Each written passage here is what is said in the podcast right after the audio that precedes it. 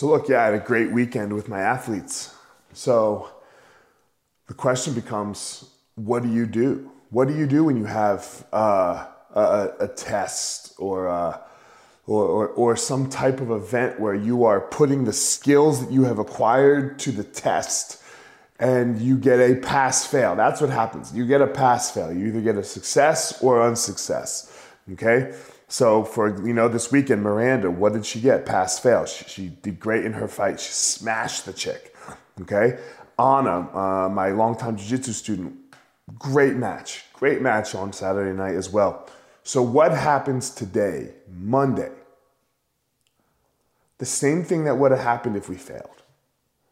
The the result of your of, of your work, the result of your game, the result of your uh, big meeting, or the result of whatever it is you're doing, it doesn't matter. It, it, it, it doesn't determine what you do uh, the Monday after. Just get back to work. That's how it goes. There's, there's no celebration. Yeah, celebrate that night. Celebrate for 24 hours. You get 24 hours of sadness, you get 24 hours of happiness. Your choice, whatever one it's gonna be. After that, get over it, get back to work. Get over it, get back to work.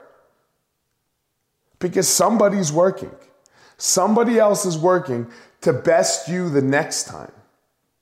So, never let the result determine what happens the next day.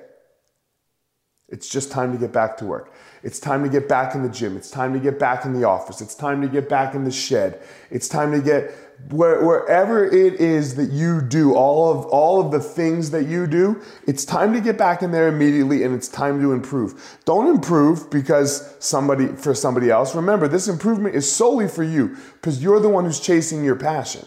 You're the one who's chasing that the, the, the greatness in whatever arena you are chasing it in. I hope you all had a great weekend. I hope you had a weekend filled with success. But it's Monday, y'all. So get back to work.